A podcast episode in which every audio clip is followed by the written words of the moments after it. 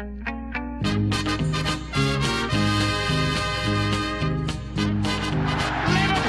are champions of Europe again. Liverpool are prize winners again. Liverpool is in the record books. Hallå och eh, varmt välkomna tillbaka till LFC-podden. Vi eh, får väl inleda med att be så hemskt mycket om ursäkt för vår frånvaro under den förra veckan. Det var ett, eh, dels ett väldigt intensivt matchande för Liverpool. Vi har ju hela fyra matcher här i bagaget sedan sist.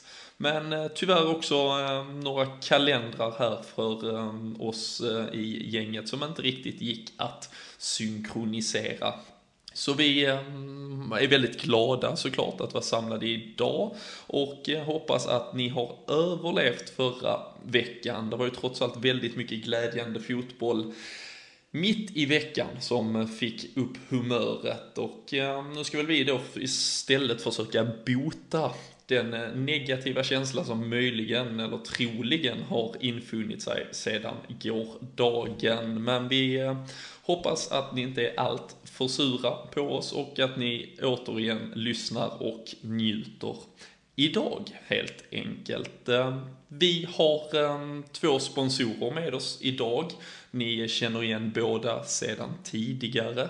Det är ehm, bättreodds.se en eh, sajt med speltips inom egentligen all sport men med såklart väldigt stor fokus på fotboll.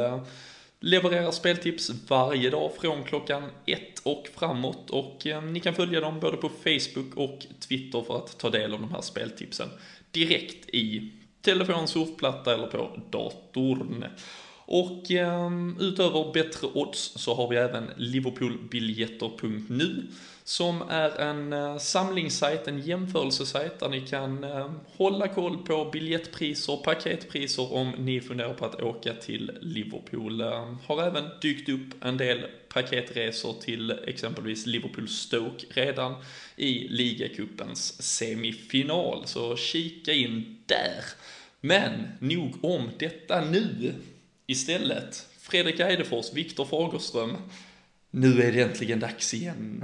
Yes. Som vi Nu har ska vi snacka väntat. förlust, Nu ska vi snacka förlust. som vi har väntat. Som vi har väntat. Tre vinster, då kände vi nej, nu, det här, vi bara låter det tugga på. Sen förlorar vi, då kände vi att vi fick, då fick vi samlas här i lilla psykologhörnan Vart vi igen. varma i kläderna igen.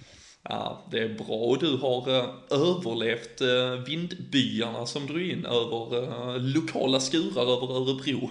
Ja, skurar och skurar, jag skulle kalla det. Det var något helt annat det jag såg. Ja, det, Men man du, har bunkrat upp sig om vi säger så. du står åter med båda fötterna på jorden i alla fall. Ja, jag vet inte om man kan kalla det båda fötterna. Det är, väl- det är fosterställning. Det låter bra det. Hur, eh, hur klarar Göteborg sig Fredrik? Var det, det var väl rätt rejält där också? Ja, det var det. Eh, Det gick så framförallt Kungälv där jag bor. Det var ju, de hade till och med bilder från eh, på Expressen eller vad det var på Fors hatt som det så fint heter. De ligger nästan under, under vatten när det blåser så där jäkla mycket. Så att, men jag klarar mig all- alldeles utmärkt. Det gör jag alltid så att Du, inga du problem. klättrar upp i ett träd och Ja, och hoppades på det bästa helt enkelt. äh, underbart att höra. Skönt, eh, skönt att ha er här. Skönt att... Grattis förresten måste vi säga. Offi- Ja, officiellt. Ja men eh, tack så hemskt mycket. Det är viktigt att vi tar upp detta i podden. Så att, eh, Såklart. Så, um, och, och jag antar att det är med, med anledning av att jag blir gammal idag helt enkelt. exakt, inget Ja, annat. nej, 20, 28 tunga år i bagaget. Men, men poddar ska man göra på sin födelsedag i alla fall. Det känns viktigt. Vi, ehm, vi har ju som sagt grabbar, vi har haft otroligt många matcher här med oss. Vi hade ehm, Bordeaux i Europa League, vi blev klara för slutspel. Nu är det ju Sion som väntar här till helgen. Vi, har, ehm, vi hade Swansea i Premier League som vi besegrade med 1-0. Och sen kom ju urladdningen och kanske där vi trots allt kan försöka inleda dagens podd för att ändå samla upp något sånär. Eh, Southampton borta, ligacupens kvartsfinal Fredrik, eh, 6-1 eh, och det var ju inte direkt så att man fick den känslan under de inledande fem minuterna heller, men vilken jävla match det blev. Ja, det var sådana matcher tar vi gärna oftare. Det vi är ju inte så bortskämda med just så här stora, eller jo den här säsongen kanske om vi säger City så sett, men just den där typen av tennissiffror är vi ju väldigt, ja vi får ju inte med dem så ofta om vi säger så de senaste åren så att det är fruktansvärt kul att se. Men jag satte ju på den matchen efter 1.40 tror jag. Eh, så det började ju inte så bra för min del men sen eh, ångade de på ganska bra det laget. Eh, och det är kul att se framförallt när Southampton ställer upp med så stark elva och vi ställer upp med ja, lite blandat. Eh, framförallt på backsidan då med Randall som kom in och Bogdan och så vidare. Så det var fruktansvärt kul att se. Mm, och Viktor, du, du missar ju matchen på grund av eh, kvällsjobb. Kan du fortsätta missa matcher framöver? ja, det var, det var några som ropade efter det på Twitter också. Det kanske jag skulle ha gjort med tanke på resultatet i matchen efter. Liksom. Ungefär som när jag missade City-matchen eh, helt enkelt. Men, eh, ja, men du var ju inne lite på det, det, det börjar ju riktigt dåligt. Southampton såg ju väldigt bra ut. Eh, Dusan Tadic såg ju ut att liksom få, han fick lite så här jag vet inte, han fick ju mer smak av att få inleda mot Conor Randall märkte man och det var inte, alltså det kändes ju absolut inte som det var åt det hållet det barkade. Var, hur, hur lyckades vi hitta den styrkan ändå? Ändra den matchbilden så radikalt?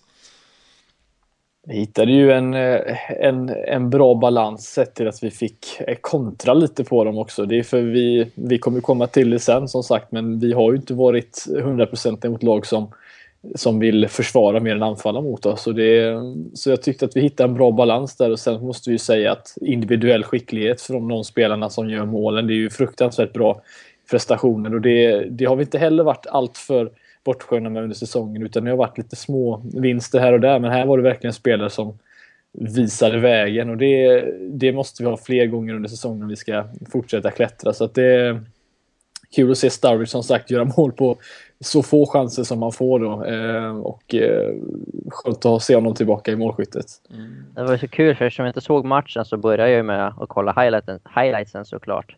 Och varenda jäkla mål var ju perfekt alltså. Det var ju inte en, en liksom, gör man mer än, mer än tre mål så är det ju oftast någon, det är något självmål, det är något, liksom, något strul eller det blir något motlägg eller det blir något knas och sen att det blir mål så. Men här var ju alla sex målen faktiskt med alltså, vår kvalitet som gjorde det. Och mm. det, var, det var, man undrar ju vad tusan det var man såg på när man kollade highlightsen. Det var fantastiskt vilka, vilka mål det är. Mm. Tror du, ehm, nu eh, Southampton här blev ju också första laget ehm, i ligaspel eller i, i bland de engelska lagen här som Jörgen Klopp fick möta en andra gång så att säga, första gången man kanske då kan hitta att man drog någon lärdom, någon tanke. Um, var det, tror du det var Southampton som, som klev upp, att det var de som, eller, eller försökte vi också få matchbilden på det sättet? Fick du någon känsla av det Fredrik inledningsvis?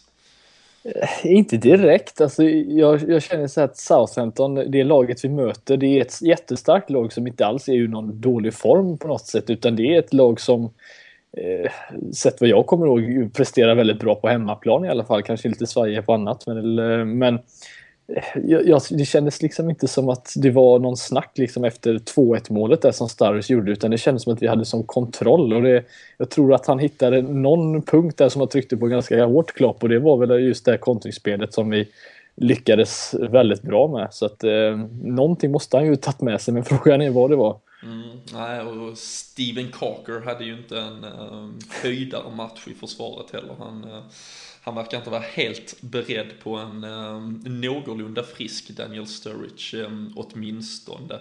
Och eh, det var ju han som, eh, som till mångt och mycket såklart gjorde den där ja, turnarounden, åtminstone fick liksom indikera det där startskottet på att vi eh, var på väg in i matchen igen med två um, fantastiska mål här och första starten på väldigt, väldigt länge. Hur, uh, hur, hur mycket njöt du av att se han tillbaka i, i det slaget?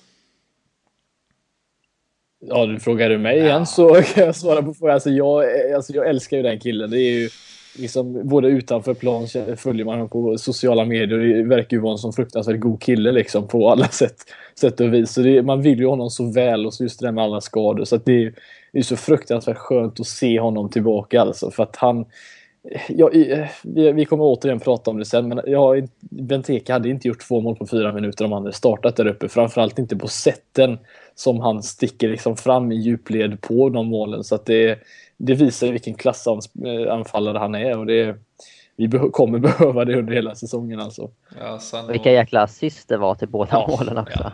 Jag måste säga att hans 2-1 mål, sett av alla mål, måste jag säga var det snyggaste av allt. Eh, visst, nu då Rigi snyggt mål även men jag tycker ändå att hela det anfallet i sig tycker jag är så fruktansvärt vackert. Det med Chan, klacken och sen yttersidan är ju helt magnifik. Alltså avslutet är väl inte det 100% men han är där i alla fall.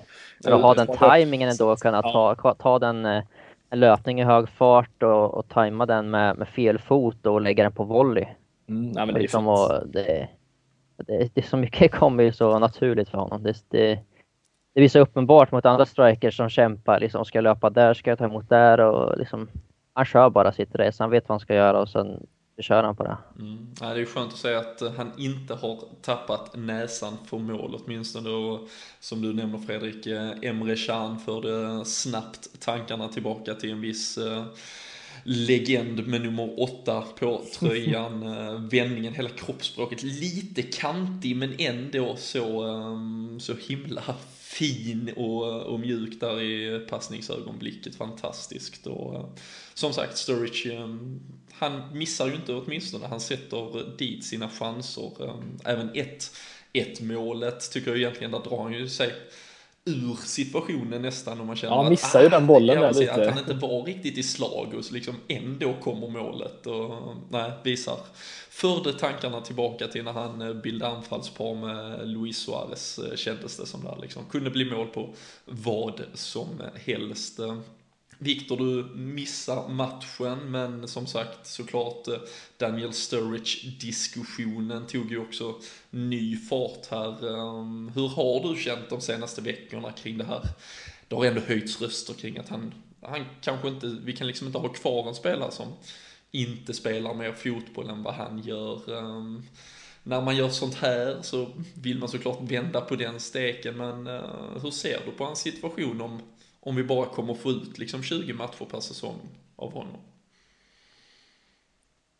Just den här säsongen eh, isolerat så liksom att sälja, kolla på och försöka sälja i januari nu för att bara så jag kommer tillbaka och är frisk och att vi nu skulle kunna få bra pengar för honom känns inte alls aktuellt. Och det har jag inte tyckt tidigare heller när han var skadad. Utan skulle han gå sönder igen nu och missa fyra månader igen och kommer tillbaka och spela fem matcher på slutet så ja, då, då skulle jag inte kunna klandra klubben om man försöker se sig för i sommar för att hitta några intressenter sådär. Men eh, han har ju sån fruktansvärd kvalitet.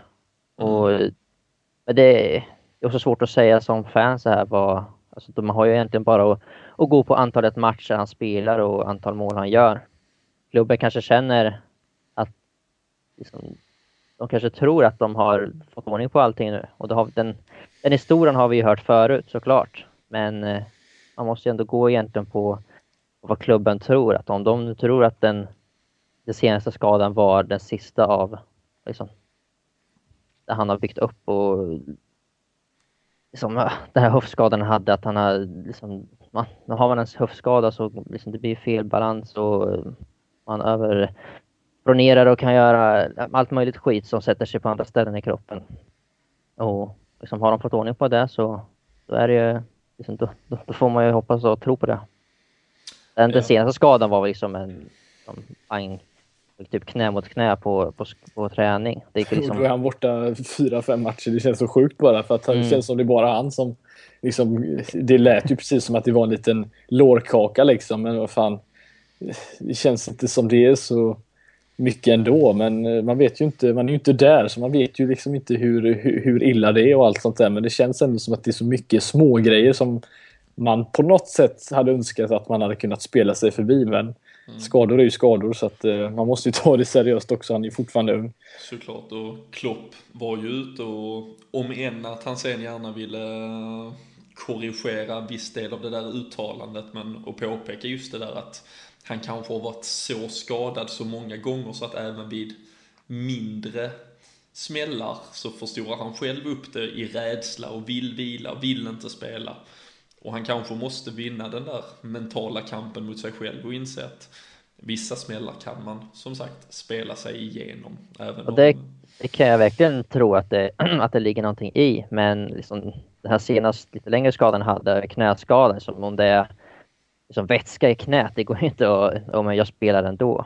Alltså det har jag aldrig någonsin hört talas om att någon, någon eh, läkare eller så har rekommenderat.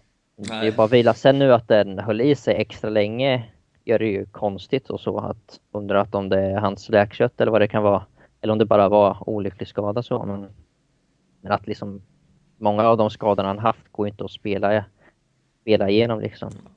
Självklart. Så nej, det är ju en, en mix av såklart eh, otur. Ett tyvärr kanske inte jättebra läkkött men eh, förhoppningsvis att man då åtminstone kan besegra den där möjliga mentala del i det som ligger. Eh, en annan anfallare som eh, verkligen blomstrar och till och med kanske ännu mer även om han inte stal de största rubrikerna och Även om undertecknad var ganska kritisk mot hans inledning. Jag vet vart detta går. Men eh, jag fick ju eh, tugga den tweeten med, eh, med råge. Divok Origi som, som jag tyckte så lite valpig, lite lost ut första 30-35. Jag hade väl lite svårt kanske att kreditera honom målet han gjorde i första halvlek och, och men att han får en liten, liten tå på den. Men gick ju verkligen in och sen uh, visade sig livsfarlig i, i andra halvlek framför allt och, och gör ju sin såklart bästa match i, i Liverpool-tröjan eh, när allt väl vägs samman till slut Fredrik. Ja, det får man ju säga, även fast eh, jag kan ge dig en liten poäng för det för att det var inte så att han var spelmässigt överlägsen på något sätt, det var han ju inte, men han jag tar ju hellre att han gör tre mål i en match och inte är det. Liksom. Det, det tar jag ju. Men han är fortfarande ung som sagt. Det här var ju precis vad han behövde alltså. Och få göra eh, tre sådana här typer av anfallarmål om man säger så. Då, det är ju fruktansvärt kul. Jag skrev det på Twitter efteråt. Det kändes ju som en Drogba-avslutning uppe i krysset där när han gjorde eh, efter Ibes frampassningar. Och det var ju, äh, det var kul att se honom framförallt. Och sen klacken då fram till till Moreno där fram till Ives mål. Det var, nej, han var, han var verkligen på hugget den matchen. Men det tog ett tag för som sagt, annars hade du inte twittrat det. Nej, jag har ju hittills har jag ju lyckats eh, bra med dem där. Lite kritik mot Origi som gjorde ett hattrick. Var lite kritisk mot Coutinho i Chelsea-matchen. Då svarade han med två mål. Så får väl fortsätta att hänga ut spelare framöver eh, också. Men ehm, um, Viktor, två, ett anfallspar som levererar fem mål um, och um, sen kom ingen av dem till start mot Newcastle.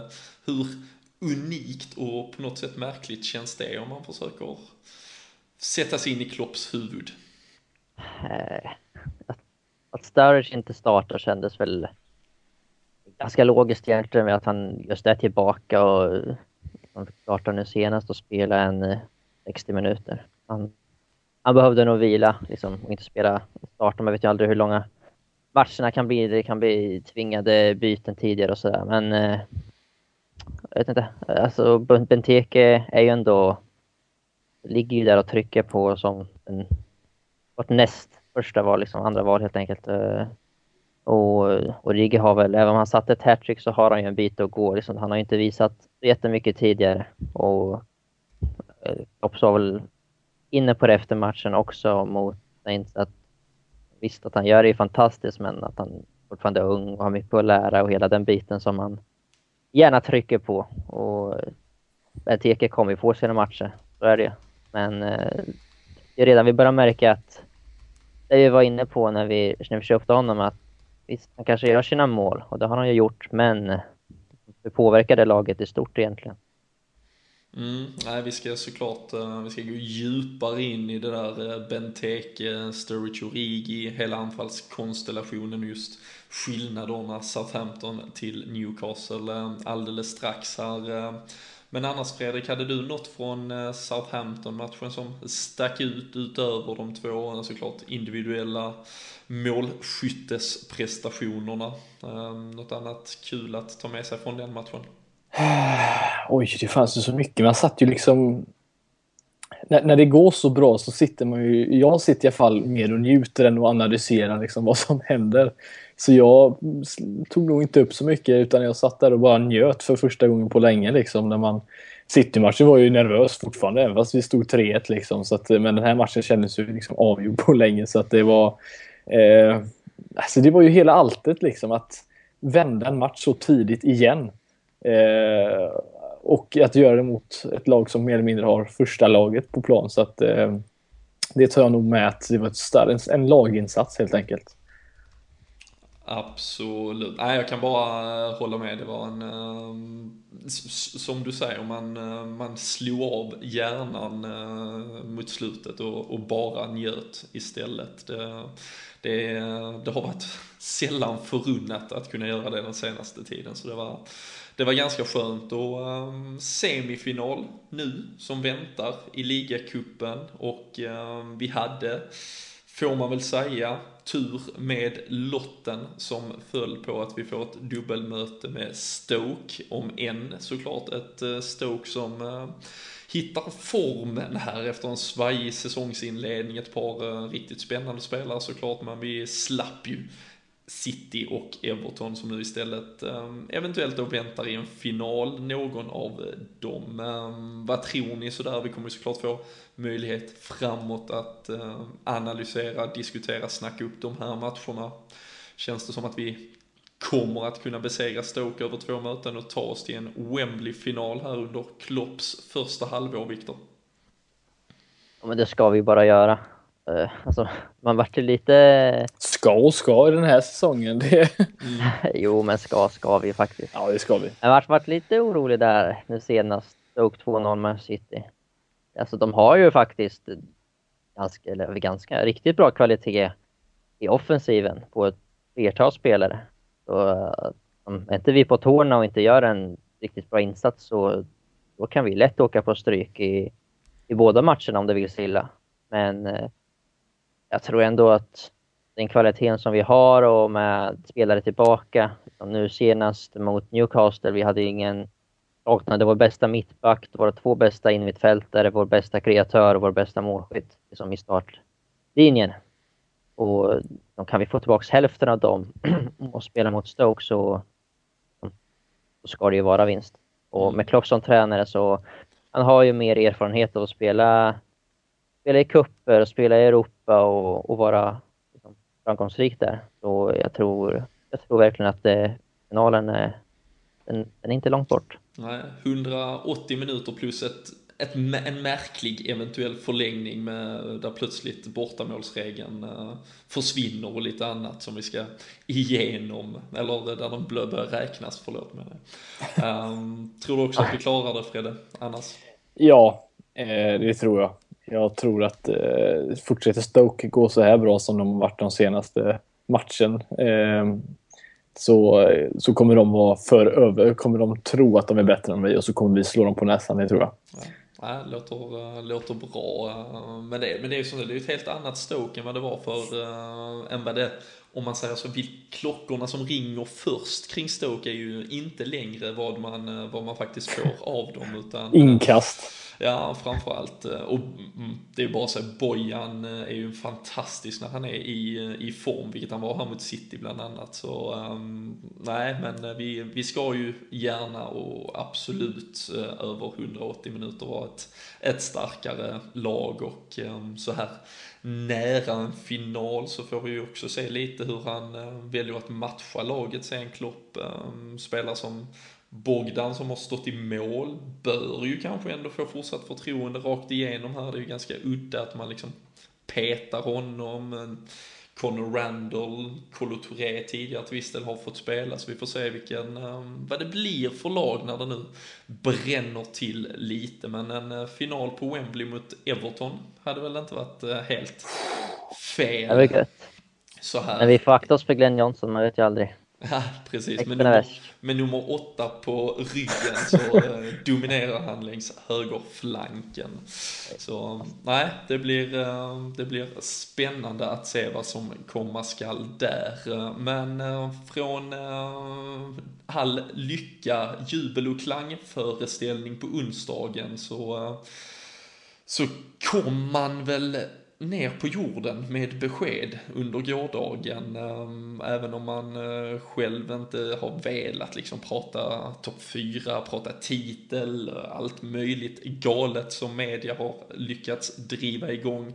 Så, eh, så var det ju också ett faktum att resultaten verkligen gick med oss här under lördagen till, till stor del. Vi hade ju chans att gå bara tre poäng under exempelvis United City och, och verkligen liksom närma oss toppen i den här extremt jämna ligan som det, som det är i år. Och eh, samtidigt kan väl jag personligen känna att, eh, eller på samma sätt som det är idioti och galenskap att prata ligatitel, så vore det nästan lite fegt och ignorant att inte heller överhuvudtaget nämna den, för den är ju trots allt inom beskedligt räckhåll och vi har ett par på pappret väldigt enkla matcher framför oss och eh, som sagt inget lag har egentligen levererat så att åtminstone ha förhoppningar om något bättre eh, tycker jag inte är fel att ha.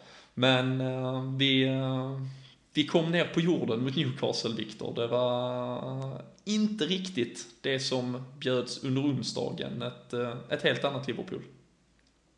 Ja, det var ju den matchen jag inte skulle ha sett tydligen. Då hade det blivit vinst.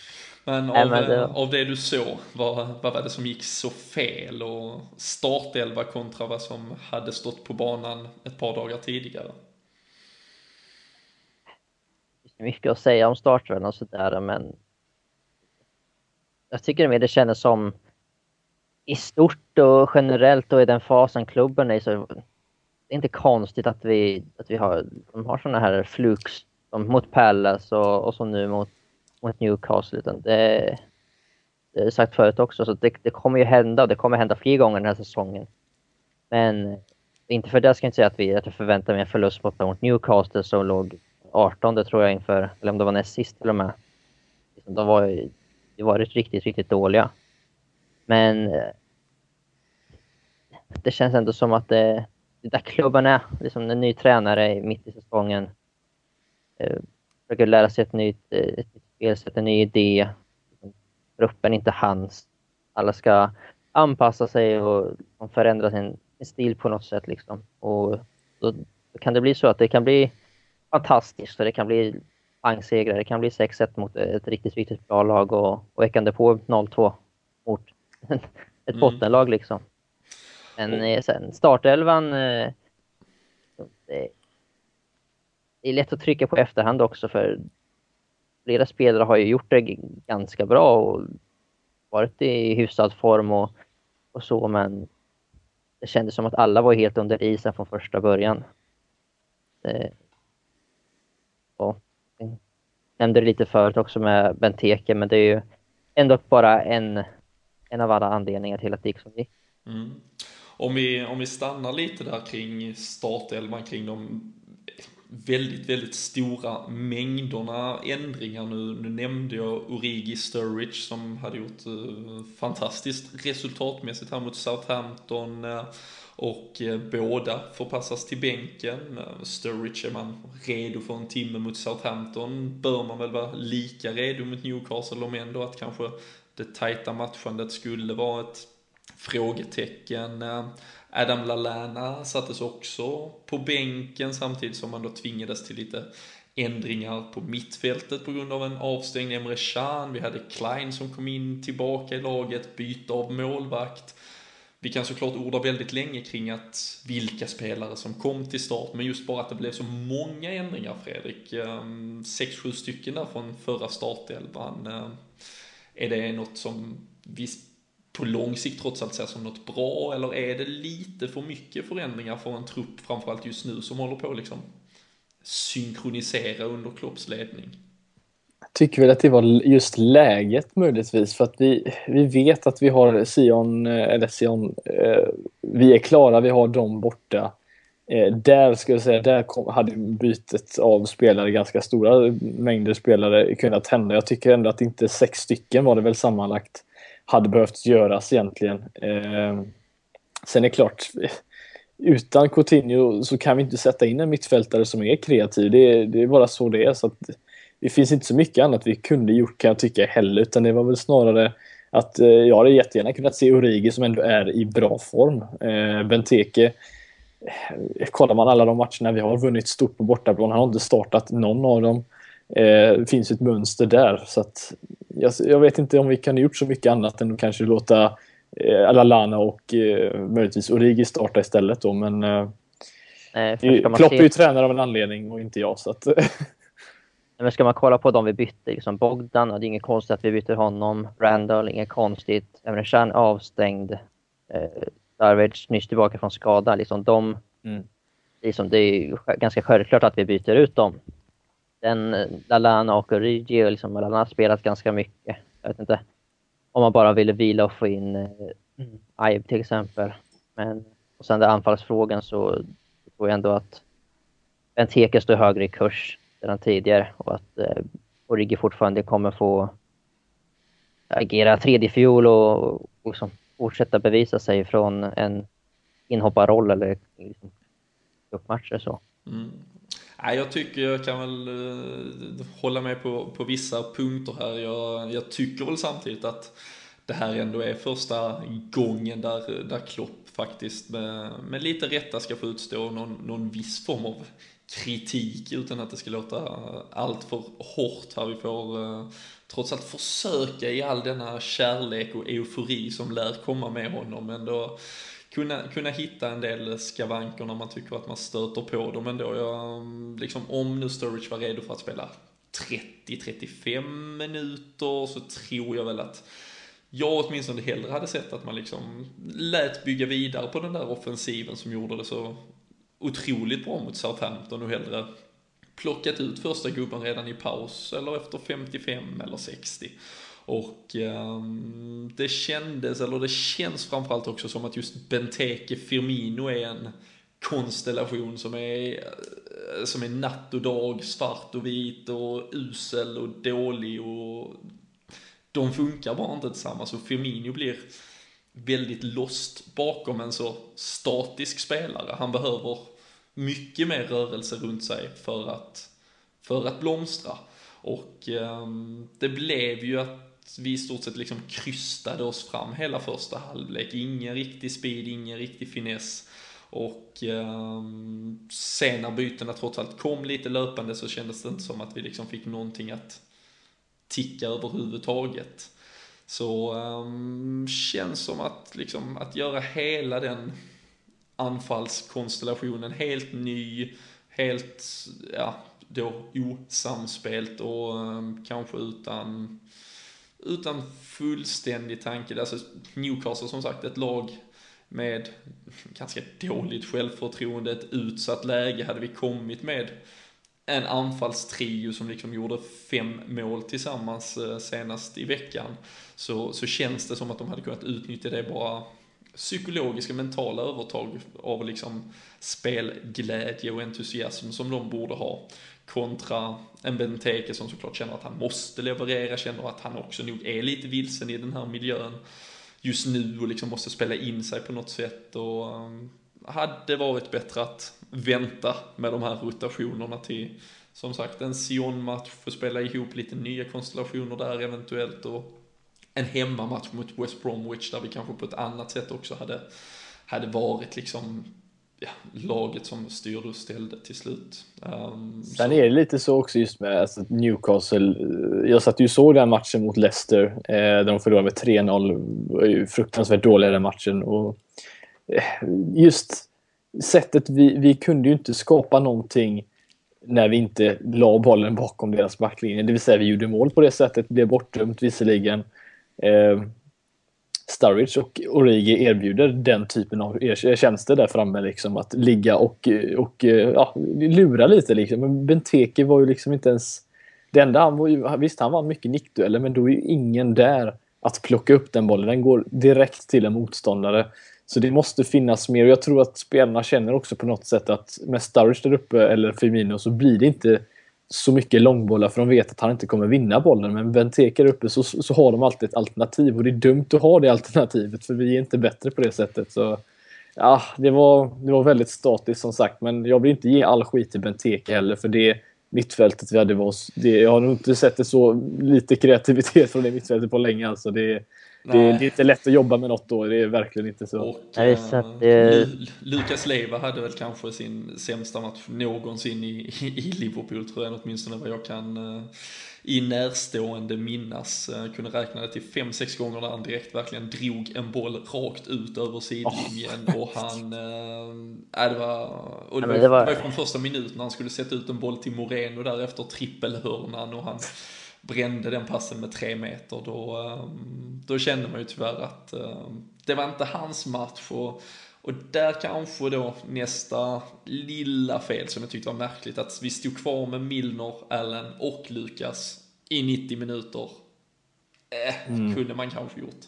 Men är det inte, jag, jag, vet inte om jag är den enda just nu, men alltså, man får ändå se Palace-förlusten som sagt och kontra denna. Eh, den här matchen var allting fel. Det sa Klopp även efter matchen. Mm. Vi, alltså, Newcastle sprang mer än vad Liverpool gjorde. Liverpool, eller Klopps Liverpool. Springer man mer än det laget så kommer man ha en större chans att vinna. Eh, det som han alltid springer mer än alla andra. Och Liverpool, alltså, vi slog, jag tror det var någon som hade skrivit här, 124 felpassningar. 124 på en hel match. Det, det är så fruktansvärt ja. dåligt. Så jag vet inte var det liksom sämsta vad. på fem år i ligan? Sämsta på fem år i ligan, precis. Så att, och där, där känns det ändå så här, okej okay, jag kan ta en sån förlust. Men Palace-förlusten är ändå liksom mer åt det här att vi, vi borde ha vunnit den här. Den här borde vi inte ha vunnit, för vi förtjänar att förlora den matchen. Så den typen av förlust grämer mig mer på något sätt ändå för att vi hade chansen. Men den här var det här var ju det sämsta man har sett på länge så att den här, får, den här kunde ändå ta på ett annat sätt. Jag vet inte om jag är ensam om det men det, den, den, den, gör inte lika ont om vi säger så. Ja, det här kändes mer, som jag sa tidigare, alltså det känns mer förklarligt att det är logiskt att vi kommer ha våra ja. lågvattenmärken. Alltså, han funkar inte. Och det, alla lag har ju sådana matcher, men speciellt sådana lag som de håller på att bygga upp någonting och är liksom fortfarande i en uppbyggnadsfas. Och det, det kommer som sagt det ha fler sådana här. Men men mot Palace som du säger så den tycker jag också att vi, den borde vi ha vunnit. Och då blir man mer frustrerad för att, alltså, att vi inte kan ta vara på de lägena vi hade. Men, men här var det ju ganska dött på lägen åt båda hållen. Vi hade väl vårt första avslut på mål i 89 eller något sånt där. Mm. De hade sitt första mål på en pass och, och det, det var um, åtminstone en uh, allt i allt väldigt frustrerande eftermiddag uppe i norra England kan man väl um, lugnt säga. Och um, du nämnde det bortdömda målet Fredrik. Det är väl, vi kan väl göra som, som Klopp och konstatera att i, ibland är man så dålig så man inte ens förtjänar att ha lite marginal med sig. Det, det ska ju sägas att det var en stor blunder såklart av domaren. Uh, vilket jag stod ju inte ens i linje, det var ju det som var det jobbiga. Han stod liksom nedanför och då är det svårt att se. Han, eh, han lär väl för hans del då tyvärr inte döma ett par omgångar eh, nu här känns det som. Det brukar vara, man brukar få lite smäll på fingrarna efter så grova missar men, ehm, och Alberto Moreno var ju inte glad efteråt. Han eh, retweetade ju sådär 500 bilder på eh, att han var onside. Han sa ingenting, inga kommentarer, ingen text utan bara ah, se här, se här, se här. Men uh, Ja, alltså såklart ett jäkligt snyggt mål. Lite, om en snyggare kopia på Fabio, nej, Alberto Dosenas eh, lobbmål mot eh, United. Samma ja, känsla. Vänsterkanten kommer upp och, och... Meningen med inlägg, men det mm. blir ett mål. Ja, Nästa, Dosena också. Vackert, åtminstone. Ja. Men vi, eh, vi grottar inte ner oss i något domarklagande här. Vi, det händer. Vi tar på oss den gemensamma dumstruten och Liverpools vägnar istället och förväntar oss en, ehm, en riktig eh, kickstart eh, ifrån detta nu istället och eh, Vi har återigen en vecka med två matcher framför oss. Ehm, vi har varit inne och nämnt att det är Sion här i Europa League som väntar en bortamatch. Där vi um, spelar lite av en uh, final i vem som då helt enkelt en gruppfinal, vem som ska ta hem den här Europa League-gruppen. Um, vi vinner gruppen vid ett oavgjort resultat. Vilket såklart ger lite försprång eller åtminstone bättre chanser i lottning framöver där i slutspelet. Och um, även då vid en förlust så är vi ändå garanterade avancemang, men från en andra plats. Eh, hur, um, hur viktigt tycker ni gruppsegern är, om vi börjar med det Viktor? Det är inget som ska påverka vilket lag vi ställer upp på banan. Då känner jag inte att eh, vi ska ställa ut ett bättre lag än vad... Det är fortfarande en tävlingsmatch, men det ska inte behövas ett rent första lag som är lite liknat till helgen sen, utan en match eh, ska väl hanteras ungefär som de tidigare cupmatcherna vi har haft. Eh, det kan vara viktigt att få självförtroendet, liksom, men det är nog mer ett resultat. Att, liksom, att få ett oavgjort och, eller en vinst och, och känna att man kan, man kan plocka det på bortaplan i Europa och så här. Och, och liksom, hoppa en grupp ändå. Men Eh, och jag tänkte på just eh, det, jag minns inte riktigt, men... Något bra måste det ha varit. Får, ja, det var fruktansvärt bra. Ja, du, får, du får vila de tankarna. Hur, ja, eh, hur resonerar du Fredrik, om du hade varit manager? Hade du åkt med ett starkt lag för att liksom försöka spela av det här, vinna det, istället kunna byta av några gubbar eller är vi liksom Ah, är det lite hugget som stucket lite hur det kommer lottas, vad som händer framöver? Är det bättre att spara kapitalet till söndagens Premier League-match? Ja, den ser jag ju som mycket viktigare för jag tror att vi kommer lösa detta. Vi kommer inte förlora, det vill säga förhoppningsvis borta mot dem, utan ett kryss kan vi absolut få med oss. Eh, men jag, jag vill ju gärna se att, att det blir liksom lite förändringar, och, men samtidigt inte för mycket för att det, jag, jag tror inte i längden att det att man vinner så mycket på att ha alltså, allt för mycket rotation utan jag vill gärna se några som kanske får spela en liten stund där då som är garanterade i alla fall på, på söndag som jag tror det möter West Bromwich där. Så att, eh, fortfarande ett, en stark elva men eh, Sturridge till exempel, eh, nej. Eh, Firmino vill man ju få igång liksom men jag vet inte tusan om det är någon vi ska satsa på i den matchen utan att ha honom redo i så fall till på söndag så att eh, ja, ett starkt men inte för bra helt enkelt. Nej. Jag tänkte på vad, eftersom eh, det är väl treorna i Champions League-grupperna som kommer in nu i mm. första rundan och de borde väl rimligtvis möta de som har slutat två i sina grupper.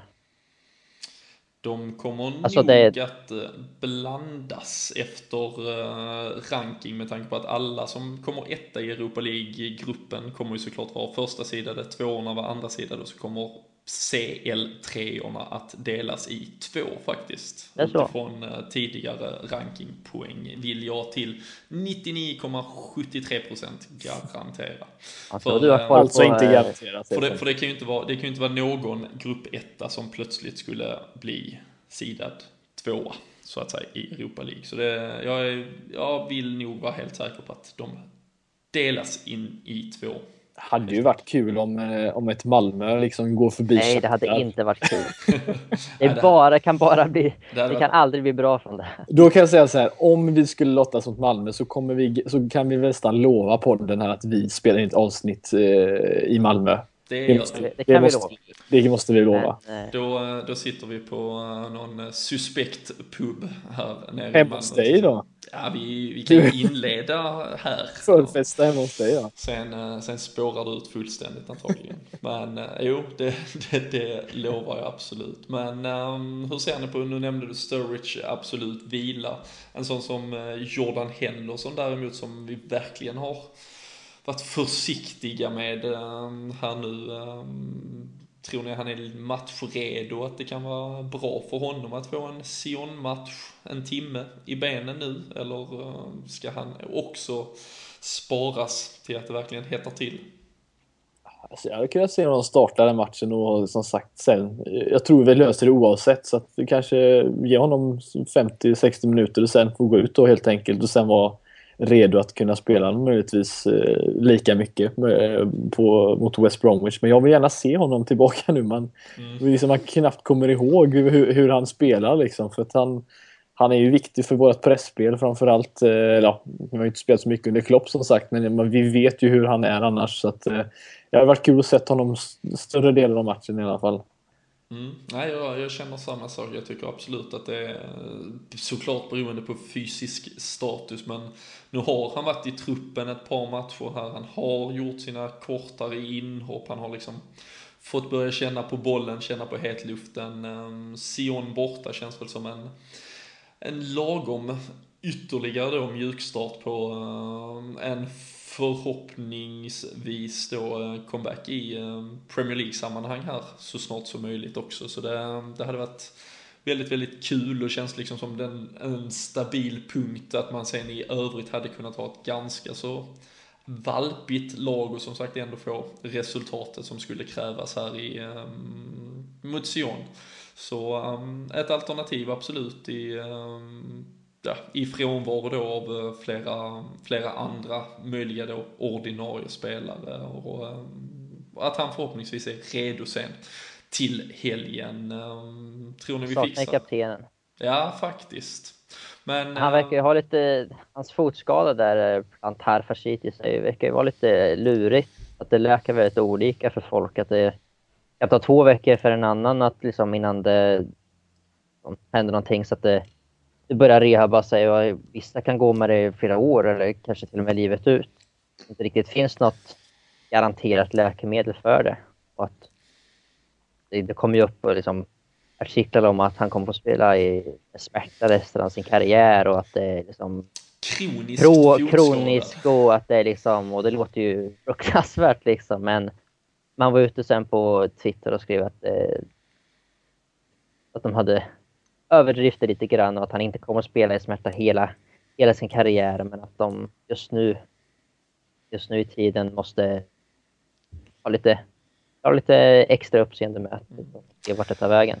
Lite kylspray kommer säkert att fixa vilka problem som än uppstår. Det brukar ju, brukar ju vara så. Men eh, sen är det ju eh, West Bromwich eh, Premier League fotboll som väntar till helgen igen. Vi, eh, vi bröt ju här senast mot Swansea om, om än att det satt hårt inne att det blev 1-0 på en straffspark den gången. Men eh, vi bröt trenden av att inte lyckas vinna efter en Europa League-match. Ehm, vi hoppas såklart att den håller i sig nu. Och att eh, West Bromwich får eh, åka hem tomhänta, även om de har ju varit på Anfield ett par gånger och hämtat hem riktigt bra resultat om vi tittar de senaste 4-5 åren här i alla fall. Men eh, vi ska ju gärna kunna vara det åtminstone spelförande laget där. Och det kommer ju vara mycket diskussioner i veckan kan man säkert tänka sig här hur framförallt offensiven ska formeras. Vi har även då en Emre Can som kommer tillbaka från avstängningen, en Jordan Henderson som kanske slänger sig in i leken kring en start 11-plats och um, vi har ju haft en Lukas Leva som fram tills egentligen i söndags har varit exceptionellt bra om man ser till vad han tidigare har presterat. Och um, anfallsmässigt som sagt mycket mycket att leka med och många konstellationer som fungerar mindre bra och bättre och så här. Så um, Fredrik, om du tar på dig kloppkepsen och försöker... Jag sitter på dig den så att... Uh... Ja, och försöker verkligen uh, gnugga till det. Vad, uh, vad hade du gärna sett offensivt med, om vi förväntar att det börjar se lite ljusning på skadefronten med möjlig reservation för Filip Coutinho som tyvärr verkar vara lite mer oklar? Mm.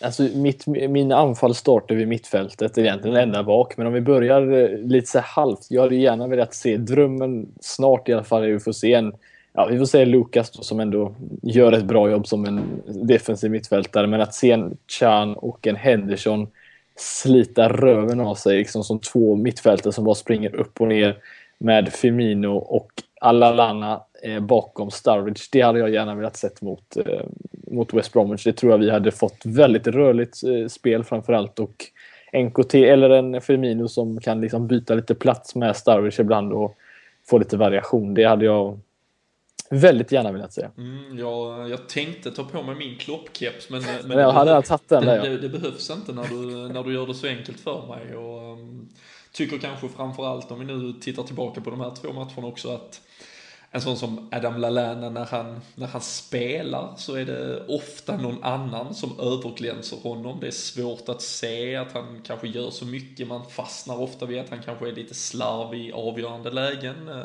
likt en Jordan Ibe som eh, hade samma syndrom mot Newcastle. Men, men jag tycker också mot Newcastle att man faktiskt ser en, en saknad av honom. För han har ändå det här ja, men kreativiteten, han ser lite lösningar, han tänker lite annorlunda, lite snabbare fotboll än, än vad alternativen ibland gör. Och, ehm, ja, men han har den här finessen som ehm, verkligen saknades eh, mot Newcastle. Och, tycker absolut att han också förtjänar att eh, kliva tillbaka in i startelvan här och ehm, gillar din, din eh, elva i övrigt. Vi får väl se om James Milner numera är petbar eller hur det ser ut i, i ligasammanhang. Ja, vi pratar om honom.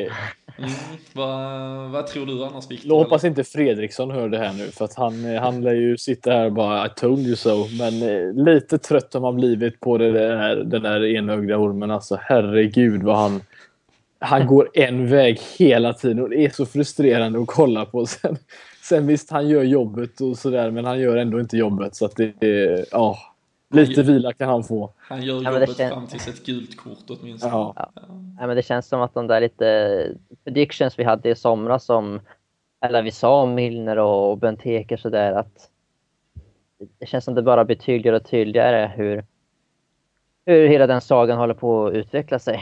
Men eh, nog om dem. Det, Det var väl mest att vi tyckte att han hade varit en bra, alltså en bra truppspelare. Liksom. Det var ju det vi sa. Alltså, det var ingen som var överens om att han skulle vara startspelare liksom, i 38 matcher. Utan en, en allround-spelare som kan liksom, komma in och göra jobbet som han gjorde i City. Men han är ju betald som vår bästa spelare.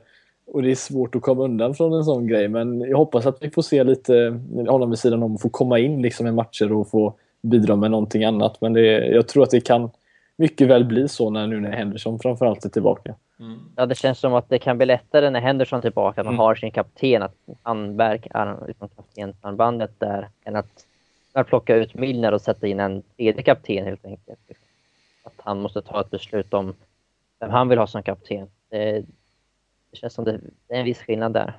Men, men om inför West Bromwich då så låter det väl rimligt det ni säger. Eh, det det är ju den matchen nu som våra bästa spelare ska vara redo till. Där ska starta den. Coutinho om han är redo ska starta den. Henderson om han är redo ska starta den. Can. Lalana har ju varit rätt bra på senare tid. Bör starta. Liksom, Dion-matchen får ändå vara något. Någon match där vi får kasta in lite Randalls och lite sådär. Kanske Origi startar igen förmodligen. Och sen se vart det tar vägen där. Men eh, ja, kanske till och med Origi får starta i ett tvåmannaanfall som vi spelade en del mot Southampton ändå. Men det är ju den matchen allt fokus ska vara på. Alltså i, i eh, startelva-tänk liksom.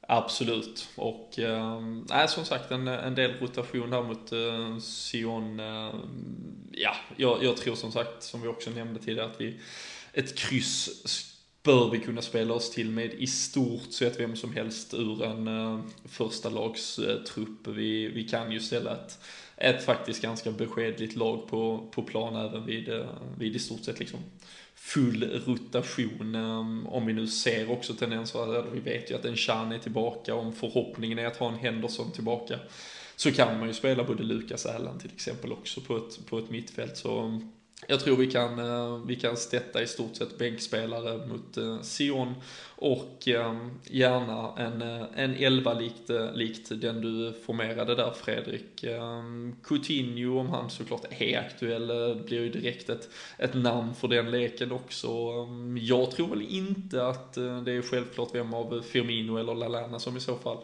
vilas utan ehm, de står nog ganska jämnbördigt i kurs ehm, just nu även om eh, man såklart kände något annat där efter City-matchen framförallt med, med Firmino som verkligen var på gång. Men han fortsätter ändå att blanda och ge och funkar inte i alla konstellationer och sådär. Så vi, vi får se lite vad som, eh, såklart upp till bevis att se till att han fungerar med, med Sturridge ordentligt också. Så um, har han ju åtminstone bevisat att han troligen då fungerar med den, med den framtida strikern i alla fall. Väldigt, väldigt viktigt såklart. Um, vad tror ni annars om uh, Sion? Den parkerar vi, vi lägger den åt sidan. Uh, men West Bromwich, Fredrik, får vi se en, en urladdning för första gången på, på Anfield denna säsongen eller fortsätter det med det skakiga och en straff i 83?